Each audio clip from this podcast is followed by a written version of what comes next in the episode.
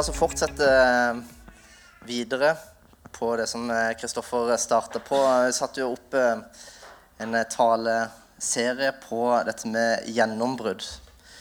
Og jeg skal ta for meg tro som en av disse guddommelige prinsippene som vi kan legge til rette for, for at vi kan få lov til å vokse, få lov til å modne og få lov til å legge til rette for at disse gjennombruddene kan få lov til å komme i våre liv. Ehm, men når vi først skal prate om åndelig gjennombrudd i våre liv, så, så, er det veldig viktig også å være litt sånn forsiktig med det at vi ikke vil ofte Ofte så vil vi ofte kanskje gå etter produktet enn selve personen Jesus. Og så den, den må jo bare ligge liksom til grunn, og det er jo det vi løfter opp her i lovsangen. og og det, Hvis vi gjør det liksom inn i vårt liv, at vi løfter heller opp eh, disse gjennombruddene, at det liksom bare det en jakter etter, så er det viktig, selvfølgelig, men at det er fundamentet som er viktigere hva vi bygger på. Og eh, ja Skal vi si eh, Sverre Kornmo, en eh, pinsehøvding, han, eh, han, svarte en mann som eh, ville ha mer av Jesus, med å si Men nå må du la Jesus få mer av deg. Og det ligger det jo en vanvittig stor sannhet i. da. Egentlig all sannhet for åndelig vekst. For eh, er det ikke altså, Det er greit nok at vi vil ha mer av Jesus, men hvor mye er du villig til å gi til han, sånn at han kan faktisk få lov? Eh, så, så tro det er ett av flere guddommelige prinsipper hvor vi kan vokse og modne i Kristus. da. Så hvordan er det egentlig vi kan posisjonere oss for å legge til rette for disse gjennombruddene ved tro? Nå hadde vi jo eh, om ydmykhet her eh, forrige søndag. Så nå er det, ok, hva, hva gjør vi ved tro, da? Eh, og det jeg har lyst til å kikke på, da, det er eh, først gå litt på fundamentet, grunnvollen. Jeg vil også gå litt inn på hva er en ekte bibelsk tro etter Bibelen. Hva sier eh, tro om håpet og det vi ser og ikke ser? Hva sier tro om utholdenheten og bekjennelsen? Og hva sier tro om prøvelser? Nå var det mye på en gang, men jeg skal, jeg skal besvare det underveis her. Og Hvis vi starter med fundamentet ved tro, for troen, så Når jeg begynte i fall, å skrive da, eh, på talen, så, så, skrev jeg om tro først. Og, og, det jeg skrev, var ikke feil i seg selv. For det var jo riktig eh, etter Bibelen.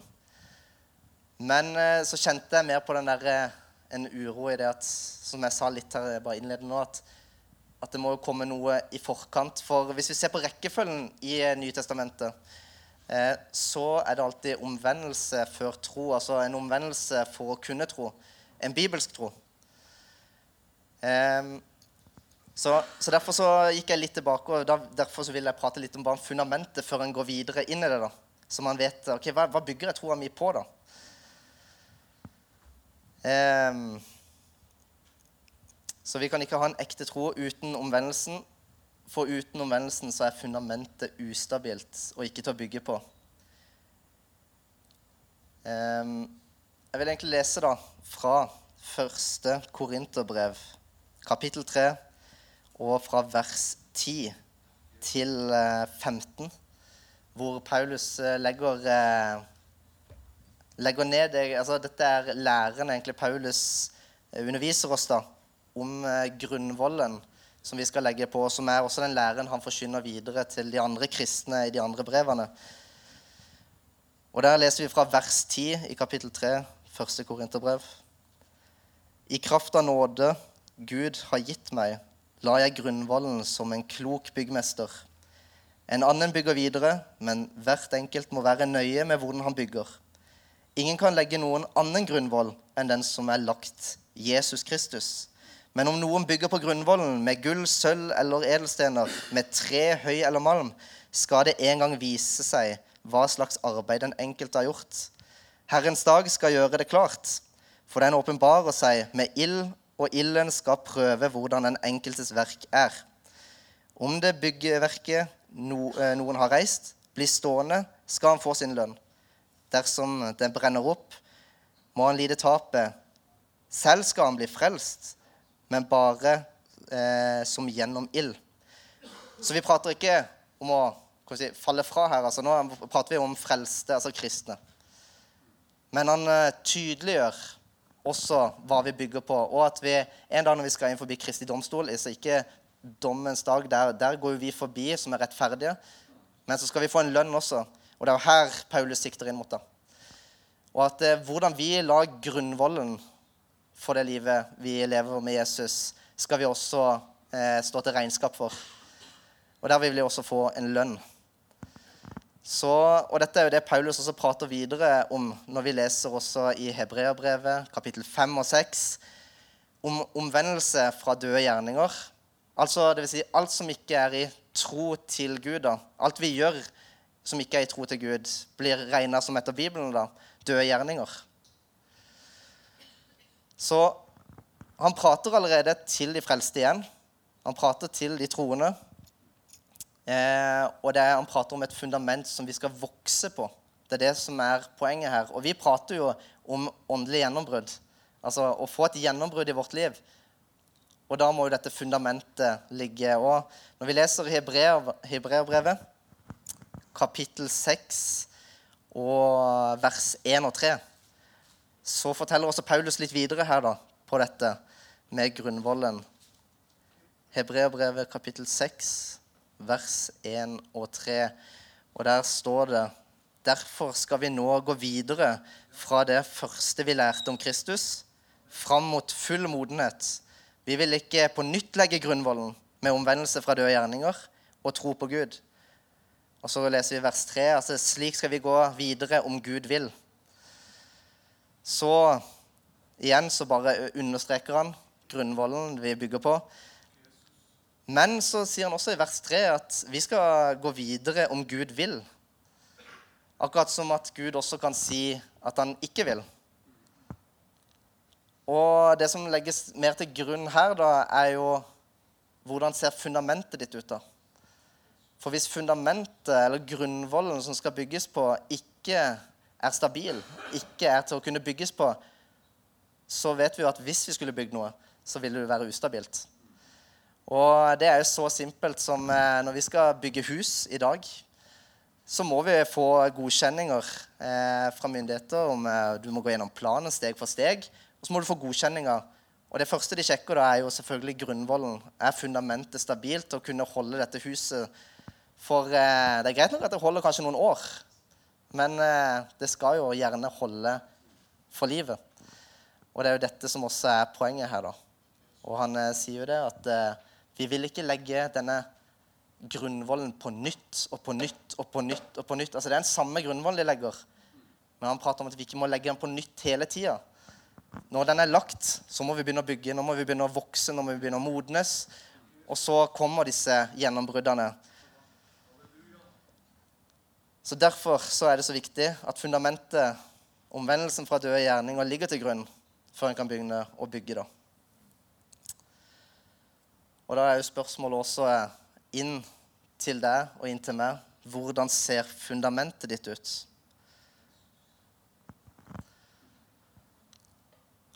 Og Noen tenker sikkert at eh, med fundamentet det la jeg jo når jeg tok imot Jesus. Og, og det er jo egentlig, ja, når jeg ble født på nytt, så la jeg fundamentet. Men er det lagt? Er det på Jesus Kristus helt alene? Er det, eller er det sånn at eh, vi kan jo slite av og til egentlig med synd. Og det kan være eh, veldig vanskelig eh, å komme, komme, ut av. Men allikevel så må det også tas et, et valg på et visst sted òg. Eh, hvor vi faktisk eh, Akkurat som jeg sa med Hans Sverre Kordmo, sa at jeg vil ha mer av Jesus, men hvor mye eh, gir jeg tilbake? Og der kommer jo også synd inn i bildet. da. Jeg sier ikke at dette er bare lett som en plett. Men jeg sier at det her er jo også en vei. Og dette er jo også en del av helliggjørelsen. Jeg sier ikke at du ikke er frelst hvis du lever i synden eller har falt i synden. Men det er en farlig vei iallfall. Det, kan, det er Guds ord veldig tydelig på. Det er en farlig vei å gå. Og Derfor er det så viktig at dette fundamentet hele tida legges på Jesus Kristus og alene. da. Um, Noen ganger sånn før jeg ble åndsfylt, da, før jeg ble døpt i en hellig ånd, så, så, kunne jeg kjenne på en sånn derre Når budene kom, altså når du leste Guds ord, og de traff deg, og det gjorde vondt og sårt, og det stikker, og du, du kjenner egentlig at 'Jeg vet egentlig hva som er godt, men jeg gjør ikke det gode', så var egentlig min respons da var jo egentlig å finne ytterdøra. egentlig, Bare komme seg vekk. egentlig. Få avstand til Gudsordet. Det var faktisk den bibelen jeg la vekk når jeg ble dømt av han. Nå er jo den åpen og fram hele tida, men det er bare Guds nåde. Men jeg ville alltid finne ytterdøra. Og jeg ville alltid komme meg ut og vekk. Men så var det hver eneste gang. For dette er jo dette er kanskje det vanskeligste med også, når du har først gått inn i troa det er jo å gå vekk ifra han. Fordi at når du møter Hver gang jeg skulle til å gå, liksom, så, så sto liksom Jesus der, da. Altså hengende på korset. Og du så blodet, du så offeret, du så nåden, du så tilgivelsen.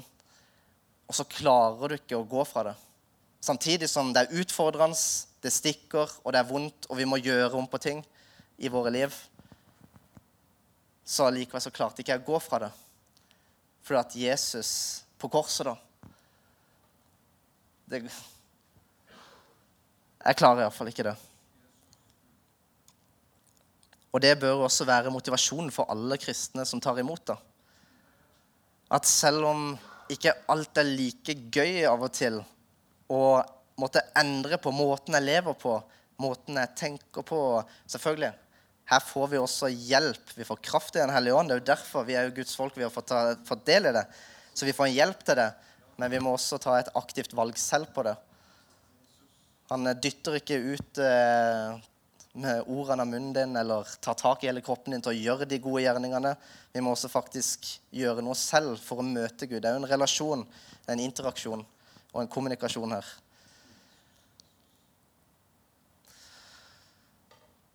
Og Nå begynner vi da å komme inn på dette med essensen av en bibelsk tro.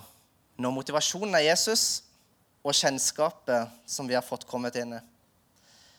Og Da kommer vi til det andre punktet, egentlig da, som er eh, hva er en ekte bibelsk tro? Hvis vi ser først vekk fra Bibelen, da, så får tro en helt annen mening, egentlig. Og da, det jeg mener med det, er at Vi kan si at vi har tro til en doktor at vi har tro til et parti, eller tro til en medisin, en tro til en diett en tro til en person, tro til et fotballag.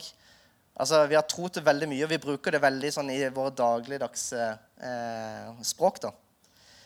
Og det er sant egentlig i seg selv. Ja, Det er sant, det, det er ikke noe feil å bruke det. Men da er det viktig å skille det at det er ikke bruken som Guds ord bruker om tro. Tro i Bibelen er en bibelsk tro, og ikke noe annet utforbi. Så hva er egentlig den riktige bruken av tro i Bibelen? Og da kan vi jo egentlig gå ok, Hvor får vi det, da? Jo, der kan vi gå til Romerbrevet, kapittel 10 og vers 17. Og der står det Så kommer da troen av det budskapet en hører. Og budskapet, det kommer av Kristi ord, av Guds ord. Altså, her finner vi troen i Guds ord, egentlig. Tro i Bibelen er alltid basert på Guds ord. Så all tro som er basert på Guds ord, Eh, er altså bibelsk tro. Men alt som ikke er da basert på Guds ord, blir heller ikke bibelsk tro. Så det er et skille her. Og hvis det er et sted, kanskje i Bibelen, hvor eh, For ofte så går vi inn på grunnteksten, og så ser vi ok, hva betyr dette ordet? Hva betyr dette ordet? Men eh, her så finner vi faktisk også et sted i Hebrebrevet, kapittel 11, vers 1, hvor faktisk Gudsordet definerer et ord. Og det er ikke så ofte man, eh, Jeg vet ikke om man finner flere steder i Bibelen på det her, men det er ikke så ofte, da. Og her, her forklarer Guds ord hva er egentlig tro for noe. Og da leser vi i Hebreerbrevet kapittel 11 vers 1. Troen det er en pant på det vi håper, og et bevis for det vi ikke ser. Så nå begynner vi å se her at det er et forhold her nå mellom troen og håpet. Det er et forhold mellom tro og håp. Og tro det er jo noe som er her og nå. Og håp er noe som er for framtiden. Og troen det er noe som er ekte. Som er, altså du, du, har fått det. Liksom, det er her. Det er panten. Og det er, det er nesten som Du kan nesten ta på det. liksom. Det er en sikkerhet. Og basert på den troen så kan vi ha en ekte og sikkert håp mot det som er i framtiden. Vi ser at disse henger sammen, da. Troen og håpet. Og med hvert håp som ikke er basert på en sikker tro, det blir jo heller mer en ønsketenkning. Hvis vi tar vekk troen, den bibelske troen, så går vi jo vekk også fra troen på løftene og troen på det evighetsperspektivet. Og da kan vi veldig fort skeile ut med å lage vår egen ønsketenkning. Jeg håper om at det kommer til å skje. Jeg vet jo ikke, da. Men det er jo en ønsketenkning. blir det mer. Så Derfor er det så viktig at troen ligger til grunn også, men troen og håpet i riktig rekkefølge gir, eh, gir mening, egentlig. Det gir egentlig mening også. Henger dere med på det? Ja? Det er konge. Eh, troen det er jo et pant i våre hjerter. Og det er akkurat her det ligger. Og Romerne 10,9 og 10,10. Der leser vi For hvis du med din munn bekjenner at Jesus er Herre, og i ditt hjerte tror at Gud har oppreist ham fra de døde, da skal du bli frelst. Og så står det også med, i vers 10.: Med hjertet tror vi, så vi blir rettferdige. Så vi ser her da at tro det er ikke bare en tanke. Ofte når vi prater om tro sånn utenfor bibelsk kontekst, men som har kanskje blitt forvirra inn i en bibelsk kontekst, så prater vi om tro som bare en tanke. Ja, jeg vet at Jesus døde på korset. Jeg vet at han eh, sa at han kunne tilgi mine synder. Men hvis det bare forblir en tanke, den troen, så forblir det jo bare det. Det skjer ikke noe mer. Den er bare der. Det er statisk. Men så prater her da om at troen er i hjertet, står det. Vi tror med hjertet. Det står 'og i ditt hjerte tror at Gud har oppreist ham fra de døde'. Og så i vers 10 'med hjertet tror vi, så vi blir rettferdige'. Så troen, det er noe som er i bevegelse. Det er ikke noe som er statisk. Og troen, det er noe som er i hjertet, og som leder meg til noe nytt. Da kan vi begynne å prate igjen om gjennombrudd. Det er noe som leder meg til noe. Men det er, heller ikke, altså det er ikke bare en tanke. For hvis det bare blir en tanke, så står vi på stedet hvil. Og jeg kan ikke si 100% sikkert at det her er roten til mange av kristnes problemer med at hvorfor skjer det ikke noe i mitt liv? Hvorfor er det ikke noe åndelig vekst? Hvorfor må jeg bare ta meg sammen og tro mer? Så kan man nesten egentlig gå i mange tilfeller, vil jeg tro, at dette her er også roten til det. da. At troen kanskje har blitt mer en tanke som ikke lar seg endres, men bare forblir. Mens troen i hjertet Når troen kommer til hjertet, så er det en ydmykhet. Det er sånn, det er hele det. Livet går jo ut ifra hjertet, prater Bibelen om. Så hvis jeg gir hjertet mitt, så blir jo det forma. Og når det blir forma, så er jeg nødt til å ydmyke meg. For jeg har gitt mitt hjerte, jeg har gitt mitt liv til Jesus. Så vi ser at det er en vanvittig stor forskjell her på hvordan den bibelske troen er, og hva alt annet er.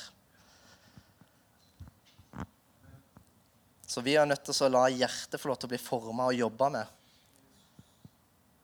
En tanke blir, for, forblir bare en tanke. Så av tro så tror vi også til frelse, og du kan ha en intellektuell tro og aldri bli forandra. Du kan til og med lære altså hele Bibelen, altså Læren om Bibelen kan du lære også intellektuelt, men ennå forbli den samme. Men når du har tro i ditt hjerte, så leder det deg til frelse. Så tro, tro det er noe som er her og nå. Håp er for framtida. Tro er i hjertet. Håp kommer da til tankene. Og her kan vi, Nå kommer vi inn på punkt tre. da. Hva sier egentlig tro om håpet og det vi ikke ser, eller det vi ser? Og da kommer vi til første Tessalonikerbrev, kapittel 5 og vers 8. Og her står det Men la oss som hører dagen til, være edrue og ta, opp, og ta på oss troens og kjærlighetens brynje. Og sett på oss håpet om frelse som hjelm. Og det er her jeg tenker, Når jeg sa at eh, troen blir i hjertet og håpet oppi tankene, så er dette her også første Tessalonikerbrev, kapittel 5, vers 8, prater om. At vi skal ta på oss en brynje, en brystplate. Og det er troens og kjærlighetens brystplate. Brynje. Og hva er det den gjør? Jo, den beskytter hjertet. Så den skal beskytte hjertet. Og så sier han at vi skal ta på oss hjelmen som er Altså håpet om frelses sin, altså sin hjelm. Og hva er det en hjelm beskytter? Jo, det er jo tankene. Så vi ser at dette er noe som blir formant. altså Paulus formaner vanvittig mye. Og dette er en av de, at vi, Det er for å beskytte oss.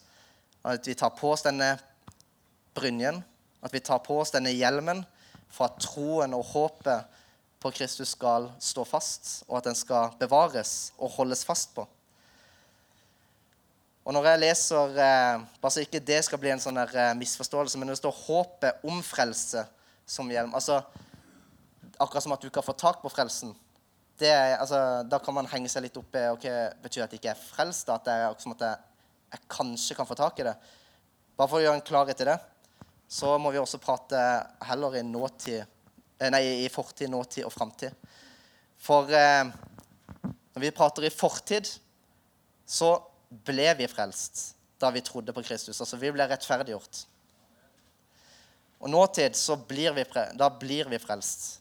Altså, Det vil si egentlig mer det at jeg legger ut mitt hjerte.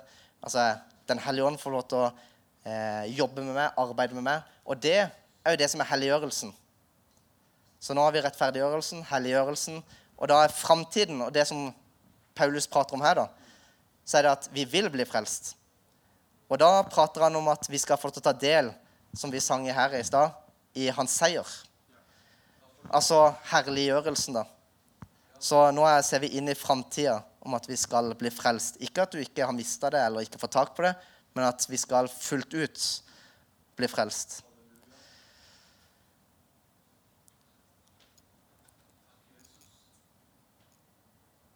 Og det, Bare for å ta det og så skyte det også inn, da. Det er jo et vanvittig viktig aspekt med vår kristne tro. At vi har et evighetsperspektiv. For hvis troen vår blir kun her og nå, hva Jesus kan gi til meg her og nå og for dette livet, så blir det veldig, veldig snevert. I hvert fall i vårt åndelige liv. Og vi som kristne bør jo egentlig ha en optimistisk tankegang. Det bør ligge hos oss. Fordi vi vet jo hva som kommer der framme. Fordi troen min på Jesus sier at jeg skal være med han for evig. Og der ligger jo også løftene. Der ligger evigheten. Og hvis jeg har evighetsperspektiv, så kommer jeg til å endre på perspektivet mitt. Hvordan jeg ser på alt i mitt liv her på jorda så selv eh, Rasmus nevnte det her i bønnen også. Selv egentlig i det som er vondt, selv det som ikke gir mening, og som kan føles så urettferdig, så kan vi faktisk være optimistiske selv i det. Fordi vi har et evighetsperspektiv. Og det er så sykt viktig at vi har med.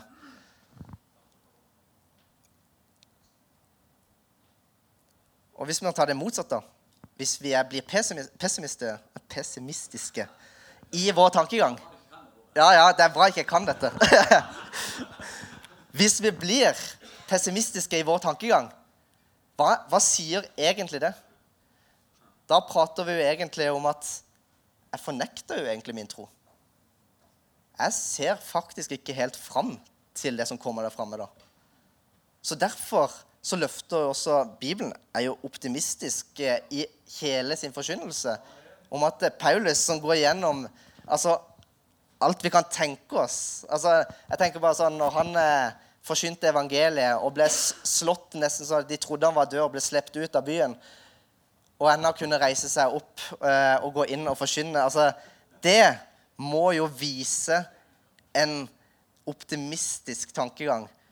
Altså som Jeg tror eh, Ja, jeg vet ikke hvordan vi hadde vært selv i sånn situasjon. Men det er så sykt lett da å skulle tenke at dette ikke er verdt det. Men så ser han at det er en så vanvittig stor verdi i dette. Det er evigheten som står på spill. Og det gir oss en optimistisk tankegang. Så definisjonen av et eh, håp for en troende, det er en sikker forventning om det gode basert på Guds ord. En sikker forventning om det gode basert på Guds ord. Så alle ekte troende har en sikker forventning om det gode, fordi hva enn som skjer i dette livet, så skal vi være med Jesus i evigheten. Hvis det håpet er ditt, så ja, så kan vi bli deprimert i dette. Vi kan bli nedslått, men du gir aldri opp fordi at håpet baserer seg på troen. Og her ser vi igjen at denne, dette forholdet mellom tro og håp Jeg tror dere ser det, men tro og håp det henger så mye sammen.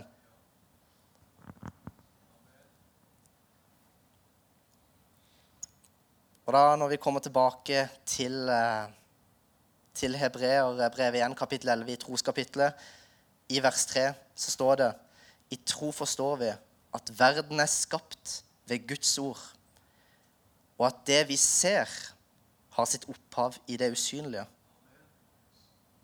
Og Det er veldig viktig å forstå her at tro forholder seg til det usynlige. Så tro er ikke det vi kan se, men det vi ikke kan se. Og Paulus sier også i 2. Korinterbrev 5-7.: For vi vandrer ved tro, ikke ved det synlige. Og da ser vi også at tro og det synlige, da, det er motparter. Så vi trenger ikke å tro når vi ser. Men vi trenger å tro når vi ikke kan se.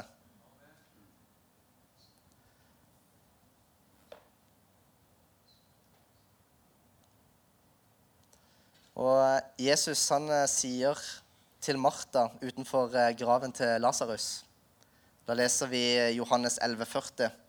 Og der står det at Jesus sier, 'Sa jeg deg ikke at hvis du tror, så skal du se Guds ærlighet?'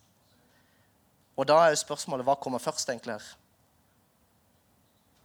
Kommer troen først, eller kommer det synlige, da?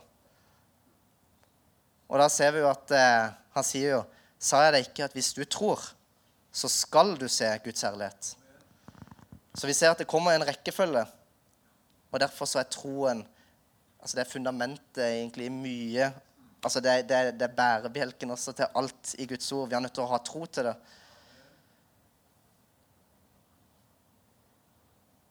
Og Det er jo mange som sier dette her, og det har jeg sikkert hørt selv òg. Jeg har hørt det mye, til og med sikkert sagt det selv òg. Eh, jeg tror det hvis jeg ser det. Eller Alle har sikkert sagt det. Jeg tror det hvis jeg ser det. det er som hvis du er i tvil til kanskje en person eller noe sånt. Der, uh, har ikke alltid holdt sine løfter eller noe. Men her er det jo helt motsatt.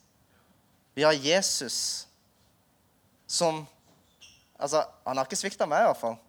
Han har ikke svikta sitt ord. Og jeg har ikke hørt han har svikta et annet menneske. Så når vi kjenner personen, da, så har vi jo tro til det han sier. Da trenger ikke jeg å kreve at han viser meg alt sammen. Men jeg kan ha tro til hvem han er, og det han sier. Så når vi ikke ser, så må vi tro. Og vi vandrer i tro og ikke ved det, syn, øh, det synlige. Eh, og når vi kommer til eh, punkt fire i det som er satt opp Det er kanskje litt sånn rotete for dere nå, men jeg håper det er litt system i det. Men da er spørsmålet hva sier troen om utholdenheten og bekjennelsen? For når vi går dypere inn og ser på grunnteksten her, så forstår vi at eh, troen det er egentlig ikke et spørsmål om en læren om tro. Men det er en spørsmål om karakteren. Vår karakter. Og når vi går inn på det greske er eh, pistos og hebraiske emanau, jeg vet ikke om jeg uttaler det riktig for dere som kan gresk eller hebraisk. Men begge disse to sammen forteller også dybden av hva det innebærer. Og den karakteren som tro viser, som skal vises i våre liv, det er en trofasthet, en lojalitet og en forpliktelse. Altså en trofasthet, en lojalitet og en forpliktelse. Og det er troen bygd på. Det er det tro mener. Det er det det betyr. Og Jesus sier jo selv til disiplene i Lukas 22, 28 Det er dere som har holdt ut sammen med meg i mine prøvelser. Holdt ut. Vi ser at troen holder ut. Og det er en personlig forpliktelse til Jesus. Hebreerne 3,1, og der står det derfor, hellige søsken, dere, ha, dere som har fått del i det himmelske kallet, se på Jesus, den utsendingen og øverste prest som vi bekjenner. Og dette er ekstremt viktig, for Jesus er den vi bekjenner, du bekjenner, som øverste prest. Så hvis du sier det, hvis du bekjenner det, så er han din øverste prest. Men hvis du tier og blir stille, så blir han heller ikke din øverste prest. Derfor er også, når vi prater av og til at det er viktig å bekjenne, det er viktig å bekjenne troen sin, så er det jo selvfølgelig for at det er en rot i Guds ord på det. Vi er nødt til å bekjenne det. Og dette er ikke bare én gang bekjent, alltid bekjent. Nei, vi fortsetter jo å bekjenne Han. Hebreerne 4,14 det er eh, mye vers, men det er bare for oss å peke til at det er Guds ord og ikke mine tanker. Siden vi har en så stor øverste prest som har gått gjennom himlene, Jesus Kristus, Guds sønn, så la oss holde fast ved bekjennelsen. Og Videre i kapittel 10 så, så, leser vi at og siden vi har en så stor prest over Guds hus, la oss holde urokkelig fast ved bekjennelsen av håpet. For han som ga løftet, er trofast. Så når vi ser her, da, så er det en progresjon nå over fra tro til håp. Vi ser at eh, håpet baserer seg på troen. Vi ser at de her går faktisk inn i hverandre. Nå står det at vi er en bekjennelse til håpet om det løftet. Så vi bekjenner nå vår tro, og vi bekjenner vårt håp. Og ved, ved, ved, å bekjenne håpet i våre tanker, så skjønner vi at troen i hjertet har fått påvirke våre tanker om evigheten, om løftene. Og hvorfor sier egentlig ordet, hvorfor sier Bibel, eh, Bibelen 'hold fast'? Og Det er jo fordi at det kommer til å være mange krefter som vil stå imot. Fordi det er mye press som vil stritte imot. Og det er mye som vi søker å begrave vår tro og svikte oss. På mange ulike måter i vårt liv. Derfor så, vi, derfor så roper jo Det er jo utropstegnet, egentlig fra Paulus. Han formaner at vi må holde fast på det. Vi må ikke miste det. Dette er kampen om en besluttsomhet, og dette er kampen om en utholdenhet. Og nå kommer vi inn på ok, jeg vil ha gjennombrudd i mitt liv. Da er det også en kamp om en besluttsomhet, og det er også en kamp om utholdenhet. Hva sier egentlig troen om prøvelser? Dette er helt eh, mot avslutninga. En tro som ikke blir testa, er jo heller ikke en tro som er av verdi for Gud. Og Jakob 1, 2-4. Se det er bare som en glede, søsken, når dere møter alle slags prøvelser. For dere vet at når troen blir prøvet, så skaper det utholdenhet. Men utholdenheten må føre til fullkommen gjerning, så dere kan være fullkomne. Så vil du være fullkommen, sånn som den formaner oss til å, bli, må du la utholdenheten få lov til å jobbe i det. Det er prøvelser du går gjennom, egentlig. Når prøvelsene kommer, er vi utholdende? Holder vi fast på det da?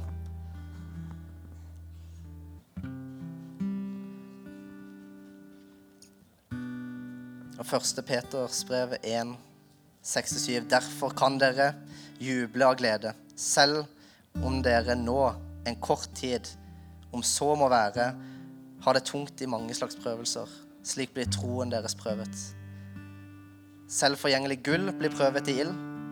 Troen som er mye mer verdt, må også prøves, så den kan bli til pris og herlighet og ære for dere når Jesus Kristus åpenbarer seg. Så når vi bare pakker sammen egentlig hele budskapet fra Guds ord nå, og plukker ut det, disse, si, disse tingene vi kan legge til rette for gjennombruddet, så prater det om håp til det vi ikke ser. Håp til det vi ikke ser. Den prater om utholdenhet. Og den prater om bekjennelse gjennom prøvelsene i våre liv.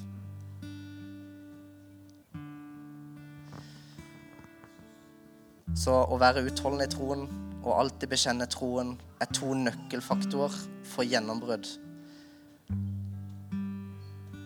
Og eh, hvis jeg skal komme med tips til hvordan kan jeg bli mer utholdende, så er det å utholde. Det var veldig bra tips. det var veldig dypt. Men det er det som også er Det kommer ikke noen andre veier. Du er faktisk nødt til å gjøre det. Og det er besluttsomheten. Du må ta valget. Og når en vil eh, Ja, vi vil eh, legge til rette for eh, forbønn her nå. Så jeg vil invitere, hvis dette Invitere fram. Kom fram til forbønn, så skal vi be. Om det, om det er noe annet enn dette her som kom fram. Men også hvis dette her, hvis det er noe her som som stikker, så kan vi også være med og be for det. Og hvis du også ønsker å ta et valg, og ikke har tatt valget, så vil vi også være med og, og gå veien sammen med deg der. Vi er et fellesskap som også ble løfta opp her før, møte, eller før talen. Det er et fellesskap, og vi skal gjøre det sammen. Vi går sammen, men du må også ta et valg. Det er Bibelen veldig tydelig på. Så jeg takker deg bare, Jesus, for ditt ord, Herre. Jeg takker deg, Jesus, for at eh, At ditt ord, Herre, skal få lov til å treffe hjerter. At det skal få lov til å forandre hjerter. At det ikke bare forblir en tanke og en god lære, men at det får lov til å forandre liv.